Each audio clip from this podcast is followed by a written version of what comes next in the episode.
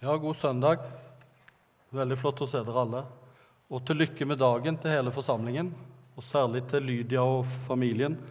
En ære å få være sammen med dere, og en ære også å få lov til å være den som en av de som skal få lov til å dele de gode nyhetene denne søndags formiddagen når vi er samla sånn. Jeg syns det er nydelig når vi får bære barna våre til Jesus, helt fram til Jesus. Jeg er selv blitt morfar for et års tid siden, og jeg ble sterkt grepet når, når jeg så Elia bli båret eh, fram til Jesus på den måten. Og Det var sterkt igjen eh, å se Lydia bli båret helt fram til Jesus. Og På en måte så er det det det handler om å være forsamling, det å bære hverandre helt fram til Jesus. Eh, og så er det litt sånn for meg som disse disiplene jeg tror av og til at jeg vet bedre enn Jesus. Eh, for disse disiplene, når foreldrene ville komme med barna til Jesus, som vi hørte lest, så ville de hindre foreldrene. De ville vise eh, foreldrene bort og barna bort. De oppførte seg som en slags livvakter rundt Jesus. Eh, men Jesus ble sint og sa de måtte komme med barna. Av og til så har jeg tenkt at Jesus, jeg forstår deg ikke helt. Vi har nettopp feira Kristi himmelfartsdag. Hvorfor forlot du disse skjøre, litt hjelpeløse, litt forvirra disiplene? For opp til himmelen eh, og ikke var med i det store misjonsoppdraget som vi hører skildret i apostelgjerningene, og fulgte dem. Eh, jeg har ofte undret meg på hvorfor Jesus ikke ble igjen, så kunne han avgjort forskjellige splittelser og strid og vanskeligheter. Eh, jeg har ofte tenkt at det hadde vært lettere om Jesus hadde vært her i dag, og kunne og vært her i rommet for den del, og hjulpet oss, veiledet oss. Eh, og satt så å si skapet på plass når vi kristne strides eller vi ikke skjønner hva vi skal gjøre. Eh,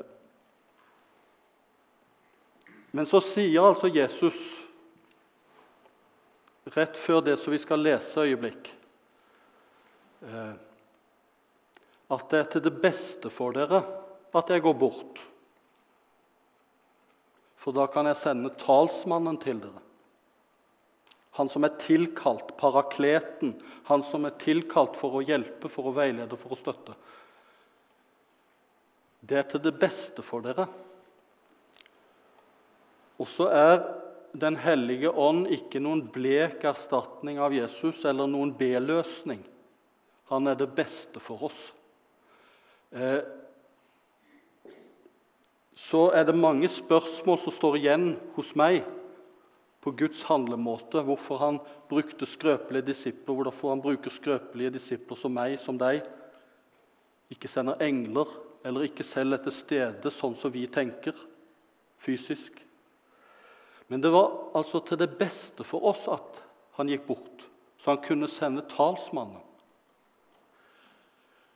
Og når han sendte talsmannen, så kommer han selv til oss så er ikke Jesus bare, hadde nær sagt, i en hovedmenighet i Jerusalem, men så er Jesus her. Ved Den hellige ånd så er han til stede her når vi er samlet i hans navn.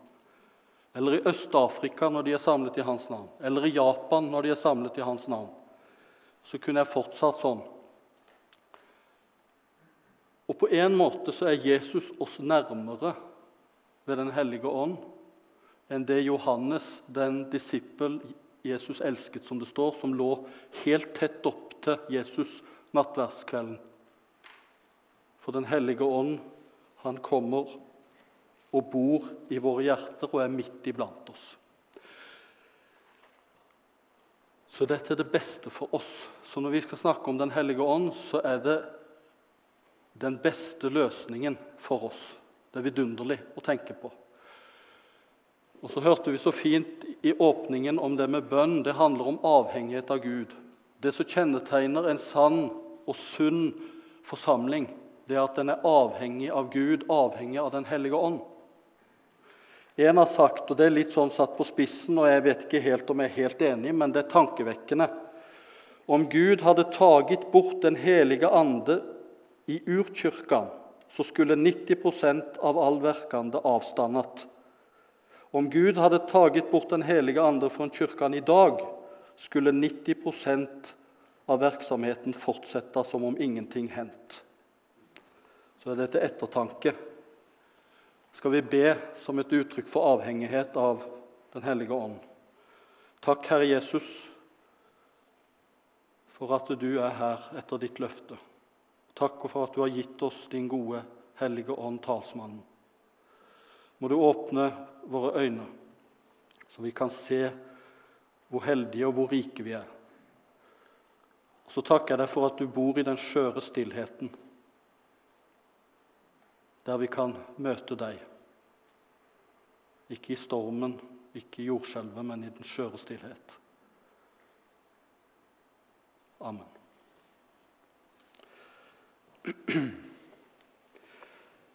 Johannes 16, 12-15. Ennå har jeg mye å si dere, men dere kan ikke bære det nå. Men når Han kommer, sannhetens ånd, skal han veilede dere til hele sannheten. For han skal ikke tale av seg selv, men skal, det han hører, skal han tale, og de kommende ting skal han forkynne dere. Han skal herliggjøre meg, for han skal ta av mitt og forkynne det for dere. Alt det som Faderen har, er mitt. Derfor sa jeg at han tar av mitt og forkynner for dere.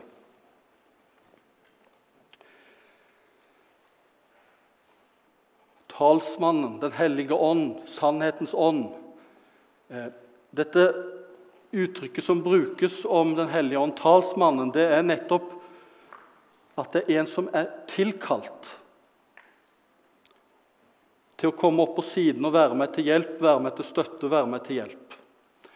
Eh, jeg har lært eh, mye av min svigermor, min fantastiske svigermor. Hun er en fantastisk svigermor. Og jeg kunne snakka mye om det jeg har lært av henne, av hennes styrker, det jeg ser opp til henne for. Men det jeg har lyst til å si noe om nå, er at jeg også har lært noe av så å si hennes svakheter. Eh, for det kan sies mye godt om svigermor, men noe teknisk begavelse er hun ikke.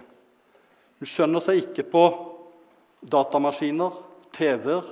Hun påstår endog at de oppfører seg underlig når hun, det skjer ting med henne, med, med, tingene som hun ikke skjønner. Radioen slår seg på, den slår seg av. TV-en funker ikke. 'Jeg gjorde ikke noe galt', osv. osv.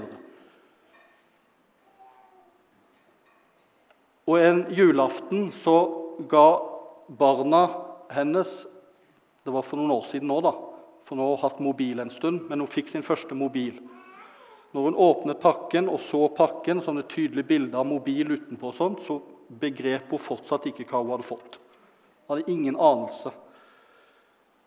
Og hun kunne ikke blitt sluppet løs for å finne ut av hvordan den fungerte.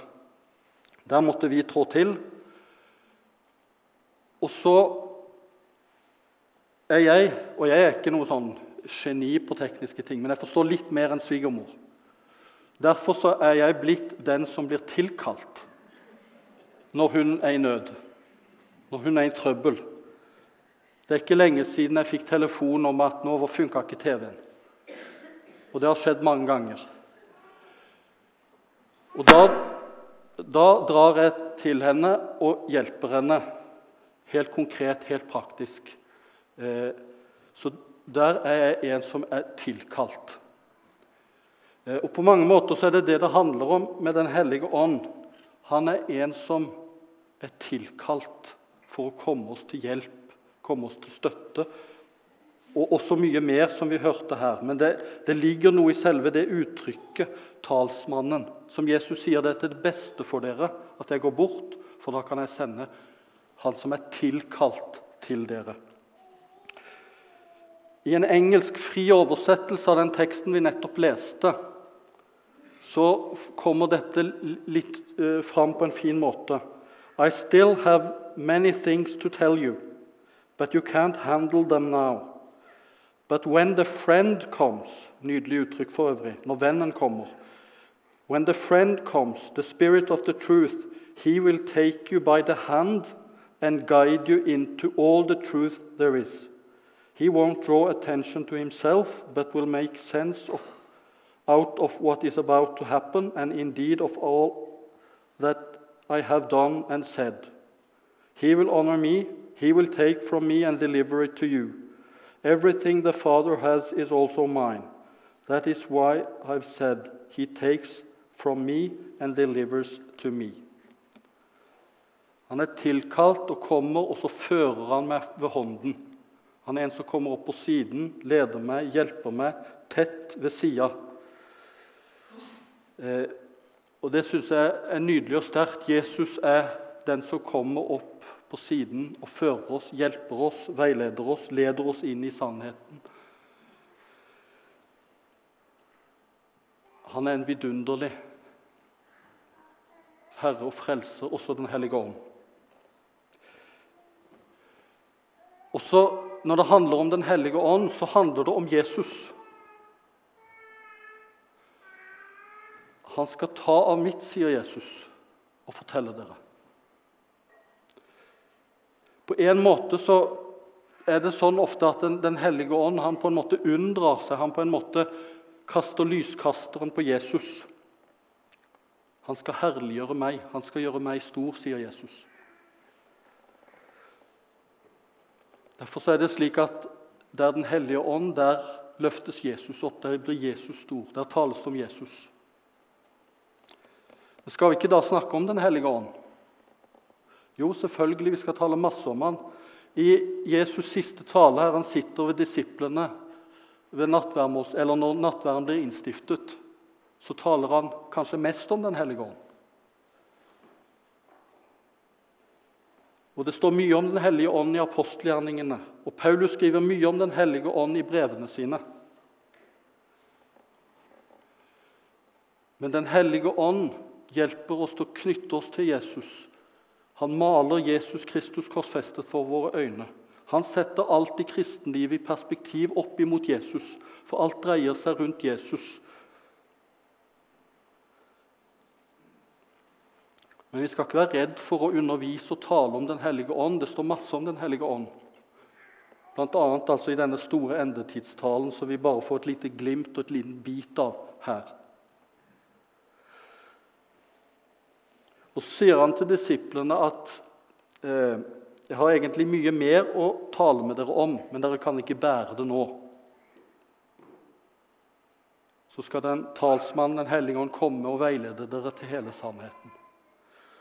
Og så måtte jeg smile litt for meg selv når jeg leste dette, at eh, dere kan ikke bære mer nå. Også et, I i Markus' eh, evangeliet så står det en gang at Jesus talte i mye lignelser, så mye de var i stand til å høre. Så mye de var i stand til å høre. Uh, det er sikkert noen som er lærere her eller forkynnere, eller sånt, og dere, dere kjenner til det øyeblikket hvor en egentlig har mista elevene eller tilhørerne, enten fordi en prater for mye eller for vanskelig, eller for, det blir for omstendelig, eller ja, En holder på mye lenger enn en er i stand til å, å bære det og være med. Jesus var nok flinkere enn mange av oss reisepredikanter og forkynnere til å se når, når nok er nok. når en ikke skal fortsette mer. Men la nå det være. Men hva i all verden var det disiplene ikke kunne bære? Jeg tror det er flere ting, men det er to ting jeg bare kort vil nevne.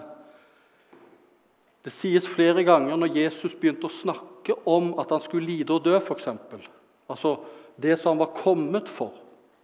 Lidelse, død og oppstandelse. Så står det flere ganger at de forsto ikke hva han snakket om.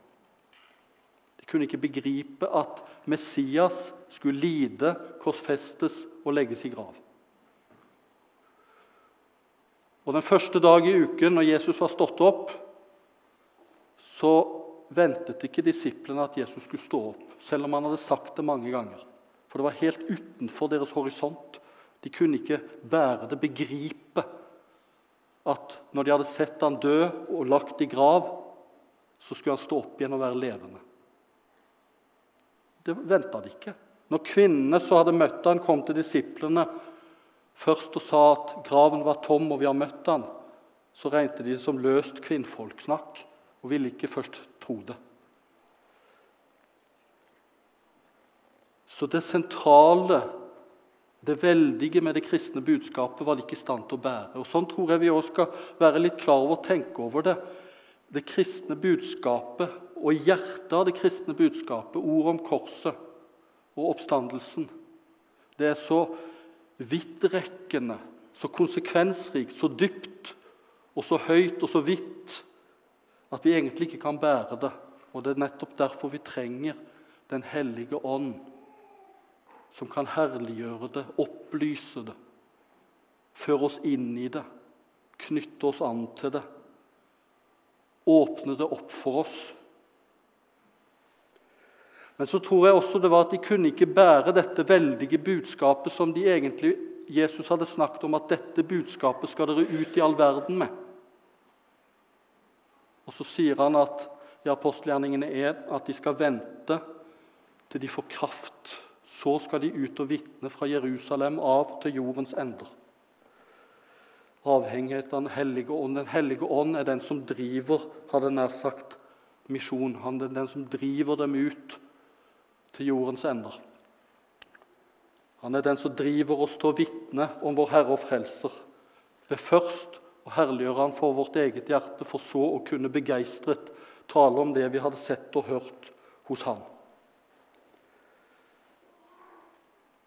Vi kan ikke bære dette budskapet, verken innholdet og rekkevidden av det, uten i Den hellige ånd, og heller ikke bringe det videre uten i Den hellige ånd og Den hellige ånds hjelp. Men så sa han at Den Hellige ånd skal veilede dere til hele sannheten. Og det ligger det masse i, tror jeg. Men fra den første tid i den kristne kirke så har det også vært forstått som at det ble realisert bl.a. ved apostlenes tjeneste og apostlenes brever, og når evangeliene ble skrevet ned, og etter hvert alt dette ble samlet til Det nye testamentet som vi har her og, og hele Bibelen samlet. Det er Den hellige ånds gave til oss. For gjennom den veiledning som han ga til apostlene og til evangelistene, så har vi fått det som Jesus eh, har sagt og gjort. Med Guds stempel på Den hellige ånds veiledning, sånn at vi kan stole på det, tro på det. Jeg etterlater dere ikke farløse, sa Jesus. Jeg etterlater dere en minnepenn. Nei, det er ikke sånn han har sagt. Selv om han snakker om i 1426 eh, at Men talsmannen, Den hellige ånd, som Faderen skal sende dere i mitt navn, han skal lære dere alle ting og minne dere om alt det som jeg har sagt dere. Minne dere om alt det jeg har sagt dere. Ikke noen minnepenn, men Den hellige ånd, som har minnet disiplene og evangelistene, sånn at vi har fått det nedskrevet, så vi har fått vår bibel, som vi kan lese fra og dele. Og også, som vi har sagt, at som fadder og foreldre vi skal føre og hjelpe barnet eh, inn i som vi, de døpes til. Børre Knutsen skrev i, i sin sønns barnebibel en nydelig eh, lite dikt eller en liten greie om Bibelen. Din bibel er jo fra først til sist et bilde av din Herre Krist. Og mens du leser, leker Guds penn med mange streker, så det er vanskelig å si hva disse strekene skal bli. Men hvis du bare holder på og, hold, og følger med, skal du forstå at hver en strek er viktig, for alle streker hører med i bildet for at du skal se din Herre Jesus riktig. Så har han gitt oss Det nye testamentet og Bibelen. Og Derfor så sier også Paulus til efeserne, bli fylt av Ånden, så dere taler og vitner og synger. Og til kolosserne, bli fylt av Kristi ord, så dere taler, synger og vitner om Jesus.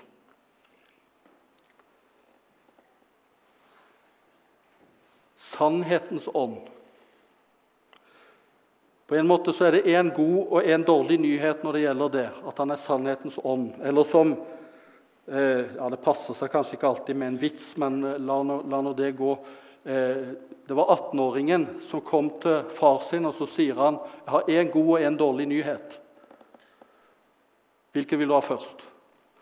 Nei, jeg har det så travelt at jeg vil bare ha den gode nyheten. Ok. Jo eh, eh, Airbagen virka. Ja. Så trenger en ikke å si engang den dårlige nyheten. Men sannhetens ånd eh, Den dårlige nyheten er på en måte at han er ubehagelig nærgående. Han er avslørende. Den gode nyheten er at han herliggjør Jesus for oss. Når vi skal si det kort.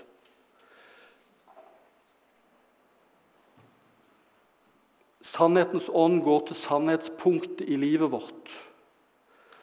For sannheten skygger vi ofte unna, løper vi unna. Vi trives gjerne mest i mørket eller i dunkle. Eh,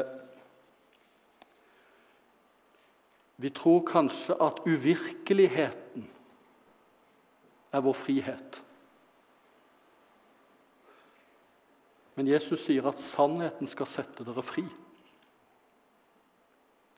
Derfor er på en måte den dårlige nyhet egentlig også en god nyhet. For når sannhetens ånd setter sitt nådeløse lys innover våre liv, så er det av barmhjertighet.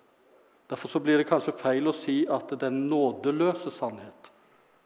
Ja, den kan oppleves nådeløs, den kan oppleves vond, smertefull. Men den er av barmhjertighet. Den er som legens, kirurgens skalpell når den går rett inn i problemet. Men nettopp for å hele, for å helbrede. Eller som en har sagt, sannheten er den skalpell som skjærer et snitt i skambyllen og lar verket renne ut. Kjærligheten er den milde pleieren som forbinder såret og lar det leges gjennomskuet, men elsket. Og så er sannhetens ånd en barmhjertig, ikke nådeløs, men en nådig og barmhjertig ånd. Både når den skjærer, avslører, tar fra oss fasadene, lar maskene falle. Og når han heler og lindrer, tilgir og reiser opp For det er det han vil. Han vil gjøre oss hele. Han vil gjøre oss levende. Så er han den som blir kalt til vår side for å gå ved vår side og føre oss og hjelpe oss og veilede oss. Men så er han også ånden. Ånden, det er pusten, livspusten. Også fra skapelsens morgen, ånden som svevet over vannene. Ånden som ble pustet inn i Adam. Jesus på første påskedag viste sine sår til disiplene. Se mine hender, fred være med dere. Og så står det at han åndet på dem. Og så er det nyskapelse. Den hellige ånd er også nyskaperen. Sannhetens ånd. Ja, han skjærer men han lindrer og heler, og han setter fri. Slik Jesus. Når, han, når Sønnen får frigjort dere, da blir dere virkelig fri. Så aner vi kanskje litt når vi får noen glimt av det som sies om Ånden. Det som Jesus sier, altså. Som jeg kanskje vil kverulere med og tenke at jeg ville tenke bedre eller lurere enn Jesus. Dette er det beste for dere, at jeg går bort. For da kan jeg sende talsmannen til dere, han som er tilkalt. Og så vil han hele tiden knytte oss til Jesus, slik at Jesus Han går ved vår side, han omslutter oss. Skal vi be til slutt? Takk, Herre Jesus Kristus. Du står her foran oss, du er også bak oss. Du er på vår høyre side, og du er på vår venstre side. Du er over oss, og du er under oss. Du omgir oss på alle sider, du bor i våre hjerter, og du gjennomtrenger oss helt, og du elsker oss, Herre Jesus. Takk og lov for det. Amen.